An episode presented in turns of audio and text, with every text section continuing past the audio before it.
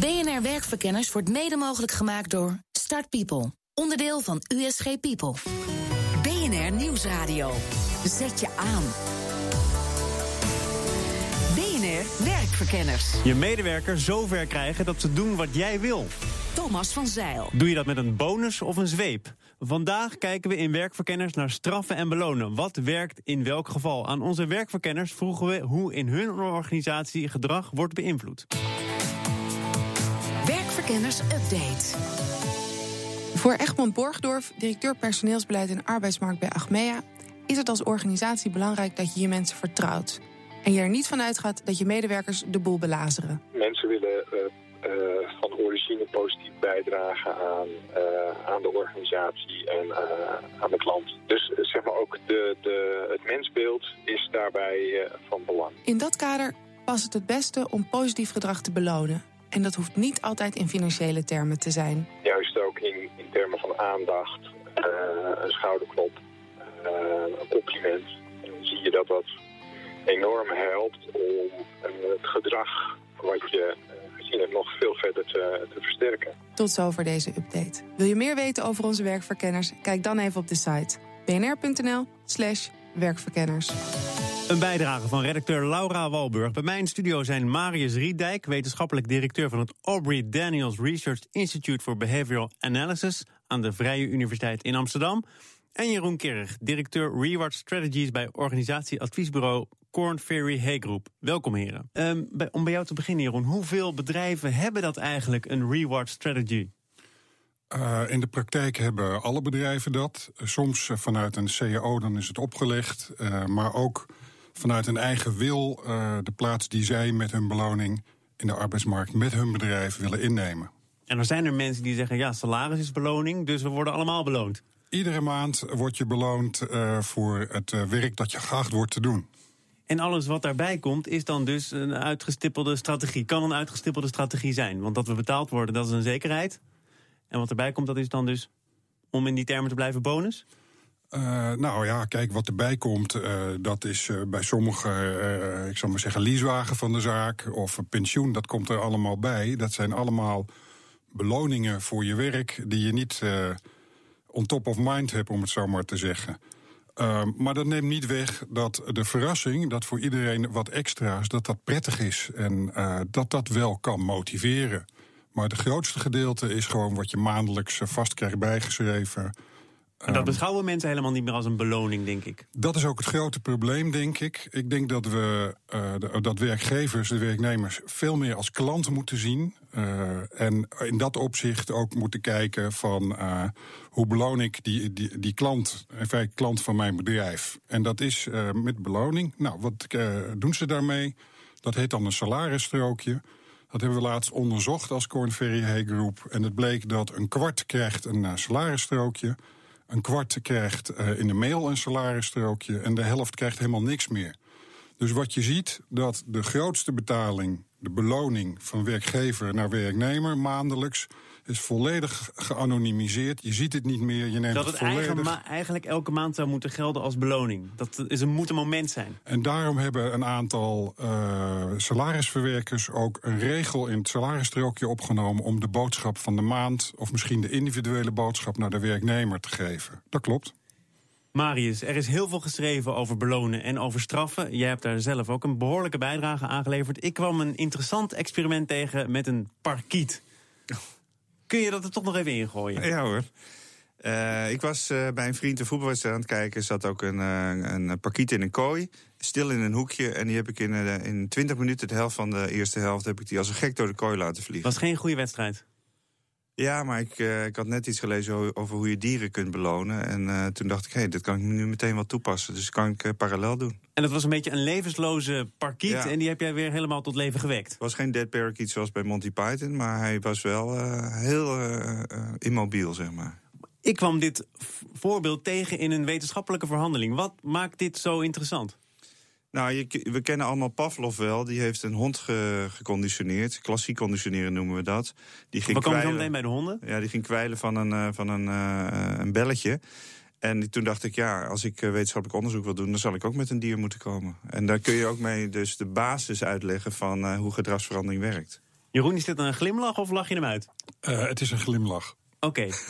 Wat was de truc om die parkiet weer helemaal, uh, ik zou bijna willen zeggen, onder de mensen te krijgen? Ja, door, door juist het goede gedrag te, te benadrukken en, uh, en, te, en te specificeren. En dat was in dit geval uh, bewegingen en uh, geluid maken. Zodra hij een klein beweging of geluidje maakt, zeg ik... Ja, goed zo! maar maakt het uit wat je zegt? Kan je ook zeggen, hou je kop! Ja, als je dat maar de toon goed klinkt... dat is evolutionair niet soort specifiek. Maar de taal, dat is specifiek menselijk.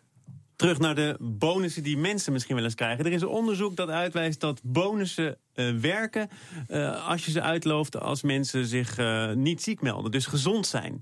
Jeroen, hoe kijk jij daarnaar? Ja, um, dat is een interessante gedachtegang. hier aan de grondslag ligt dat verlies twee keer zo zwaar weegt dan winst. dat is ook in de financiële markten, met investeringen is dat het geval. Maar ook met de werknemers. Dus het principe is, je krijgt wat.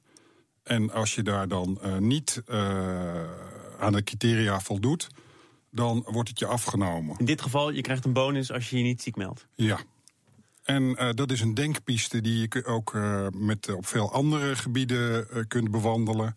Dat je kijkt, weet je, ik geef de werknemer het vertrouwen met iets extra's. Want schijnbaar moeten we alleen met iets extra's motiveren. Ik geef hem iets extra's, maar dat geef ik hem in het volle vertrouwen. En als er iets niet gehaald wordt, moet hij het terugbetalen. Dus je krijgt in principe 100 euro. Ik ga ervan uit dat het je lukt. Bereik je de doelstelling niet, dan krijg je die 100 euro niet. Ja, en die discussie hadden we met klanten. En uh, die vinden dat doodeng. En het stuit uh, ook op fiscale uh, problemen. Want op een gegeven moment heb je van die 100 euro, laat ik maar zeggen 33 euro afgerekend met met financiën, met de inkomstenbelasting. En dat moet dan ook terug. Dus dat is praktisch lastig. Maar het vind, ik vind het wel een leuke denkpiste om het op die manier te doen. Maar als je dat nu koppelt aan, aan dit voorstel, mensen belonen als ze zich niet ziek melden, wat, wat, wat zou je daar dan van zeggen? Ja, uh, ik reed uh, vaak op de A2 bij Vinkenveen. En uh, daar word je geconditioneerd dat je niet harder dan 100 mag. Dat doet... Via een flitspaal? Nou, een trajectcontrole, inderdaad. En daar uh, 98 of 99,5 procent houdt eraan, omdat er een straf op staat. Nou, wat zou nou aardiger zijn dat elke keer als je daar onder de 100 reed, dat je een bonus krijgt? Ja, zo zit de wereld niet in elkaar. Marius, we zijn al een beetje, een beetje bij het straffen terechtgekomen. We blijven even bij het belonen nu. Hoe weet je wat mensen motiveert? Dus welke beloning je uit moet loven? Ja, je kunt, dat, uh, je kunt uh, mensen observeren. Wat doen ze? En dat is uh, wat ze blijkbaar uh, leuk vinden. Dus dat is al. Uh, daaraan kun je zien of het belonend is.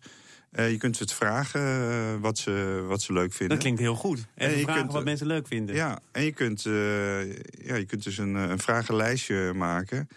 en, en observeren ook van ja, wat doen mensen. Is geld niet uiteindelijk gewoon de makkelijkste manier? Ja, vaak wordt het administratief is het een makkelijke manier, maar werkt het niet goed of niet optimaal. Dus we zijn sowieso, bijvoorbeeld bij de parkiet, als ik dan vraag aan, aan mijn uh, publiek van hoe zouden jullie, jullie die in beweging gekregen hebben, dan zeggen ze ja, aan de kooi schudden, saté prikken erin, vlammetje eronder houden, zelfs pootjes afzagen. Maar dat is antecedentenwerk. Dan probeer je van tevoren het gedrag te beïnvloeden. Ik denk wel dat die parkiet gaat bewegen. Ja, maar dat is eenmalig. Net als de, al die campagnes voor de Amerikaanse presidentsverkiezingen. Enorm veel kabaal voor één handeling van de kiezer, namelijk het, eh, het uh, rood uh, kruisen van het stemformulier. Maar dus het, het antecedenten, het gaat om consequenties, het gaat inderdaad om belonen. Maar de meeste mensen denken dus niet aan belonen. Dus we moeten wel naar belonen. Maar als het dan om belonen gaat, denkt men 80% aan geld. Terwijl het juist inderdaad om die waardering gaat. En dat betekent, we moeten leren hoe we een compliment geven. Ja, dus mensen die verzuimen, dat doen ze vaak niet omdat ze te, te weinig geld krijgen. Nee, ze doen het omdat ze een slechte relatie met de baas vaak hebben. Dus die bazen zijn vaak zo straffend bezig dat, die lui, dat er heel veel uh, grijs verzuim is en die mensen daardoor gaan verzuimen. Jeroen, klopt het dat er in organisaties eigenlijk te veel aandacht is voor wat er niet goed gaat en te weinig voor wat er wel goed gaat? Uh, nee, dat denk ik niet. Uh, maar het thema was, was hier uh, motiveren. Um, en we hebben dat als Conferrier Groep ook onderzocht. Wat motiveert nou het meeste in een functie? En dat bleek niks met geld te maken te hebben. bleek ook niks met schouderklopjes te maken hebben. Maar dat was of je je werk op je eigen voorwaarden en op je eigen tempo kan indelen. Autonomie. Eigenlijk is dat autonomie. Maar wat betekent dat voor deze uitzending? Die gaat over straffen en belonen. Nou, dat, maakt eigenlijk helemaal niet uit. Nou, het, het ging over uh, straffen en belonen zijn een middel tot uh, motiveren of misschien demotiveren. En als het over motiveren gaat, dan kun je kijken hoe je, je mens, mensen het beste kunt motiveren. Uh, en daar niet te veel bij, ik zal maar zeggen, de eigen ethische waarden weggaan. Laura en ik hebben voor deze uitzending echt de hele dossierkast opengetrokken. Uh, onderzoek dat zegt dat bonussen alleen werken als er mechanisch werk wordt verricht. En als er ook maar enigszins moet worden nagedacht, dan werkt een bonus zelfs averechts. Wij zochten ook nog naar de verklaring, die hebben we niet gevonden. Gelukkig heb ik hier twee experts om me heen staan. Hoe zou dat kunnen zitten? Ja, de, Marius. Ik denk uh, bonussen wel kunnen werken als je maar direct uh, dat krijgt. En dat, je niet, uh, dat het ook gekoppeld is aan heel heldere prestatie. Maar waarom is er een onderscheid tussen denkwerk en uh, handenwerk? Nou, ik denk niet dat er zoveel verschil is. Kijk, je hebt, kunt bijvoorbeeld bolen. Dat is ook een soort lopende bandwerk. Maar daar betalen mensen voor. Terwijl lopende bandwerk, dat is, daar moet je mensen voor betalen. Maar bij bolen krijg je heel veel positieve feedback. Je krijgt een score te zien. Je wordt ervoor beloond als je een betere score hebt. Terwijl in organisaties zie ik nergens scores. Omdat mensen heel bang zijn om gemeten te worden... omdat ze gestraft worden als ze onder de norm zitten... in plaats van boven de norm beloond worden. En het compliment bij het bolen is dat je een groot scherm krijgt. Strike! Ja, en, en dat is de mechanische beloning. Maar de, je, je, collega's, de sociale beloningen, dat zijn we altijd uh, vergeten. Dat die de kern van, uh, van gedrag uh, vormen. En daar mensen ook naar hun werk komen. En nou kom je op een heel interessant punt. Dank je. En dat is, de beloning kan op zich hoog of laag zijn. Maar waar het om gaat is, hoe, hoe verhoudt die beloning zich tot anderen die ook die strike hebben gegooid? En daar wordt het lastig. En uh, naar die, uh, ik zou maar zeggen, fairness-principes, daar zoeken veel ondernemingen naar om dat goed in te richten. Wij blijven zoeken, maar we gaan eerst even terug naar een eerdere uitzending... waarin Marius ook te gast was. En toen zei hij... Je moet mensen als hond behandelen, zeg ik altijd. En daarom gingen we langs bij hondenschool Vraf... om te kijken wat bedrijven kunnen leren van honden. BNR Nieuwsradio. Zet je aan. BNR Werkverkenners. Hoe stimuleer je je beste werknemers om nog beter te worden? En hoe rem je werknemers af die ongewenst gedrag vertonen? Misschien kun je als baas wel het nodige leren van de wijze waarop baasjes hun honden belonen en straffen. Onze verslaggever Jigo Krant woonde een training bij van Mandy van Gelder van hondencentrum WRAF. Doe maar af en blijf. Sjors, foei, af.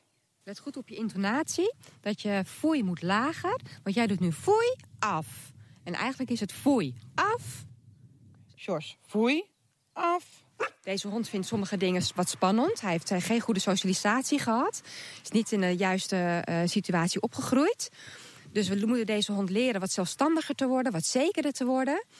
Eén moment. Kom maar weer deze kant op. Dan ga je nu mij passeren. Juist, heel goed gedaan. Het belangrijkste vind ik bij het trainen van honden dat men leert consequent te zijn. Vaak zegt men uh, bijvoorbeeld vier keer zit of vier keer af. Of ze mogen niet op die bank. Maar op de zaterdagavond is het toch eigenlijk wel gezellig. En dat kan niet. Een hond kan niet begrijpen dat de ene keer dingen wel mogen en de andere keren niet. En zo is het eigenlijk ook op de werkvloer. Als een werknemer toegestaan wordt dat hij 20 pauzes neemt op een dag... maar op een dag hoort van, hé, hey, nu krijg je reprimande... terwijl dat maandenlang is goedgekeurd, dat gaat niet werken. Dan denkt die persoon, ja, waar kom jij nu mee aan? Het, is toch, mocht toch altijd? Nou, die consequentheid, die is echt belangrijk. Hou me had. 1, 2. Goed zo, beloon. Zo, zo, ja. Heel goed. Ja, knap hoor. George, kijk eens een koekje. Je ziet nu ook dat zijn oortjes goed naar voren gaan en dat hij nieuwsgierig wordt. De beloning heeft dus zijn werk gedaan. Hij vindt het nu leuk voelt worden. zich gewaardeerd. George voelt zich absoluut gewaardeerd. En dat is wat we natuurlijk ook willen in het bedrijfsleven. Maar een leidinggevende in een bedrijf kan natuurlijk niet de hele tijd rondlopen met een troebel biscuits. Maar hij kan het wel verbaal duidelijk aangeven dat een werknemer het goed doet. Het koekje is eigenlijk het complimentje. Het koekje is eigenlijk het complimentje. Want op het moment dat je regelmatig te horen krijgt dat je goed je best doet, dan motiveert je dat. Hou je lol ook in je werk en je wordt ook alleen maar beter in je werk. En op het moment dat je verzaakt in je werk, ja, dan is het natuurlijk ook een logisch gevolg dat je dat te horen krijgt. In de vorm van een reprimande. En op het moment dat je daar niets mee doet, ja, dan kan het gevolg natuurlijk ook wat, ja, wat erger worden. Belangrijk is ook dat je, een, dat je goed kijkt naar de hond. Uh, wat hij aan kan, wat hij kan handelen. Want als je gaat overvragen, bereik je ook je doel niet. En ook dat is natuurlijk weer parallel te trekken met het bedrijfsleven. Op het moment dat je een werknemer hebt en je eisen liggen te hoog... dat werkt ook niet stimulerend. En dat gaat ook niet werken. Het straffen en belonen moet je afstemmen op de werknemers. Ja, je geeft ook niet een schoonmaker zeg maar, de, de functie van een directeur. Dus je moet gewoon goed kijken naar wat je van die persoon ook vraagt in zijn functie. Dat je hem ook niet overvraagt. Want dat kan ook demotiverend werken. Oh, heel goed. George is gaan liggen. Hartstikke goed gedaan. Heb je hem een koekje gegeven? Dat hij het goed heeft gedaan? Oké, nee, inderdaad, dat heeft, levert dan geen koekje op. Maar heel goed van hem dat hij in deze situatie nu gaat liggen. Kijk eens. George, let op. Goed zo. Een reportage van verslaggever Hugo Krant. Praat er verder over met Marius Rietdijk, gedragswetenschapper aan de Vrije Universiteit. En Jeroen Keer, director Reward Strategies bij Corn Ferry Hay Group. Marius, jij stond aan de basis van deze reportage. Gezien jouw eerdere uitspraak, behandel mensen net als honden. Kun je die parallel inderdaad echt bijna op elk front trekken? Ja, net als. Uh, ja, er zijn dus echt uh, gedragswetten die in het laboratorium zijn ontdekt. De, te beginnen met Pavlov en daarna door Skinner, de beloning- en strafwetten. En die zijn in 1938 eigenlijk al uitgezocht, terwijl die nog in het bedrijfsleven eigenlijk nauwelijks bekend zijn. Hard leert in het bedrijfsleven, Jeroen? Ik uh, zat naar die uh, uitzending te luisteren en ik moest aan twee dingen denken. A, als mijn baas uh, op die manier met me om zou gaan, zou die morgen mijn ontslagbrief hebben. Of misschien kan ik mondeling opzeggen. En B, moest ik aan die meneer denken van Achmea, die van een positief mensbeeld uitging. En ik denk dat de aard van de arbeidsrelatie is: ik, ik verhuur mijn arbeid, hè, even abstract gezien. En jij hebt mijn arbeid nodig en daar word ik voor beloond elke maand. En de truc is, en dat zei die mevrouw van die uitzending met die honden wel.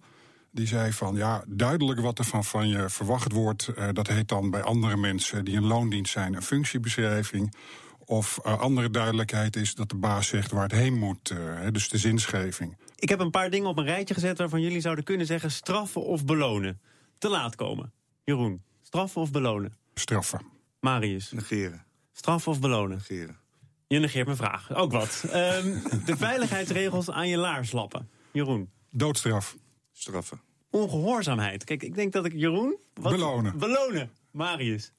Uh, nou, ik ben sowieso tegen straffen. Dus ik, uh, ik kan nergens straffen op zeggen. Maar wel het van het onverenigbare gedrag belonen. Maar ongehoorzaamheid, uh, daar hoor ik hier van beide kanten... dat zou je in ieder geval niet moeten bestraffen. Dus kom je eerder in de buurt van belonen. Wordt, wordt het misschien volstrekt onwerkbaar... als iedereen ongehoorzaam wordt natuurlijk. Uh, je wil dat mensen uh, misschien gehoorzaam zijn, maar dat krijg je alleen in een cultuur waarin mensen dingen moeten en worden gedwongen. En ik denk dat dat in 80% van de cultuur het geval is. Terwijl we juist uh, innovatie willen, willen creativiteit.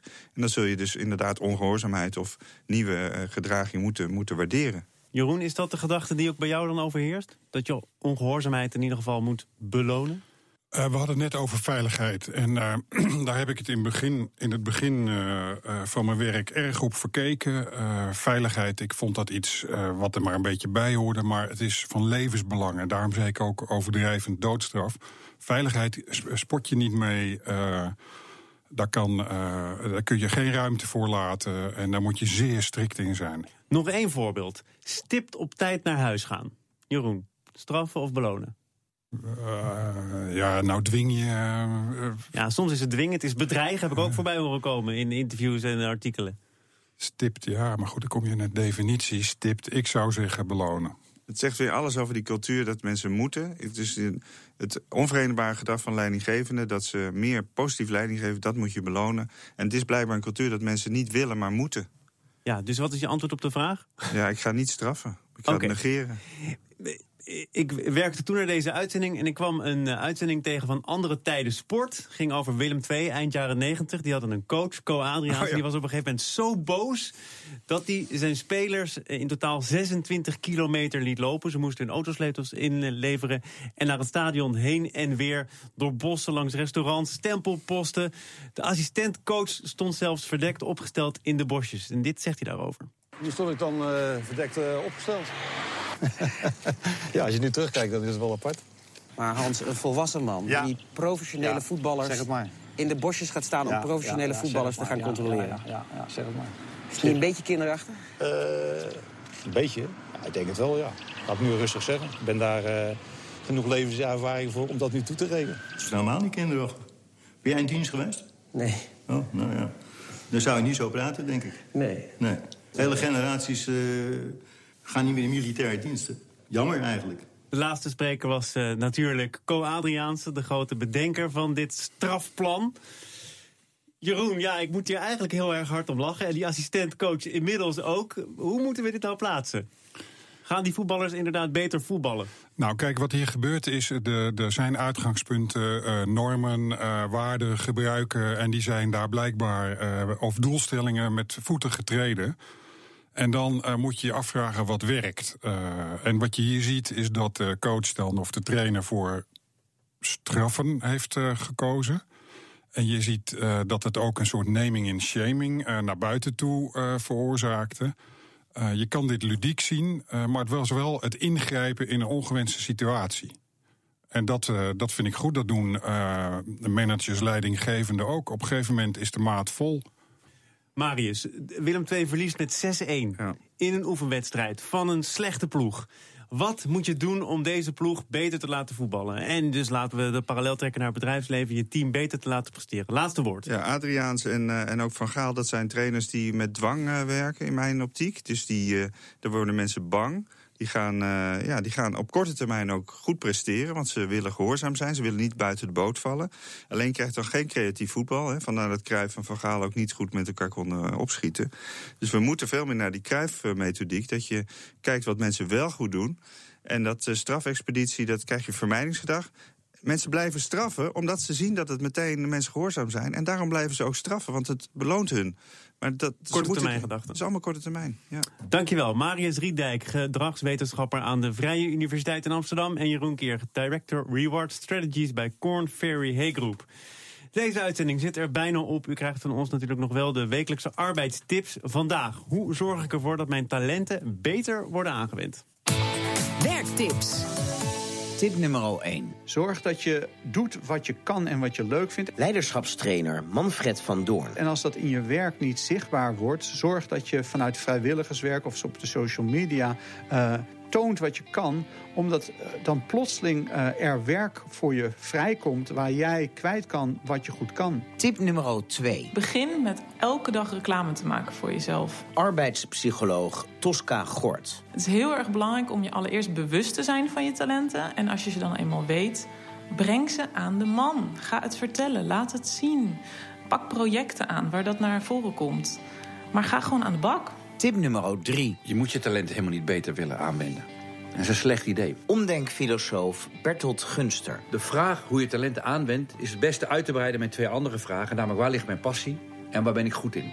En pas die drie samen zorgen voor een soort gouden driehoek. Als je namelijk doet waar je goed in bent, maar je bent niet gedreven... en de wereld heeft er ook geen behoefte aan, ja, dat schiet natuurlijk niet op. Of als je iets doet waar je heel gepassioneerd voor bent... maar je bent er gewoon niet goed in en mensen hebben er ook geen behoefte aan... dat schiet natuurlijk ook niet op. Nou, de kunst is om een gouden driehoek te vinden. Wat vind ik leuk? Waar ligt mijn passie? Waar ben ik goed in? Waar liggen mijn talenten? En waar hebben mensen behoefte aan? Ontzettend moeilijke vraag. Maar als je die vraag beantwoorden kunt... dan heb je eigenlijk de gouden formule voor een onderneming of een carrière gevonden. De tips verzameld door verslaggever Hugo Krant zijn terug te vinden op onze vernieuwde site. Tot zover deze uitzending van Werkverkenners. Volgende week dan zijn we er uiteraard weer. Check ons tot die tijd op werkverkenners.nl. Kunt u zich ook abonneren op de nieuwsbrief. Wilt u de uitzending nog eens terugluisteren? Dat kan op bnr.nl slash werkverkenners. Bedankt voor het luisteren en werk ze. BNR Werkverkenners wordt mede mogelijk gemaakt door Uniek. Onderdeel van USG People.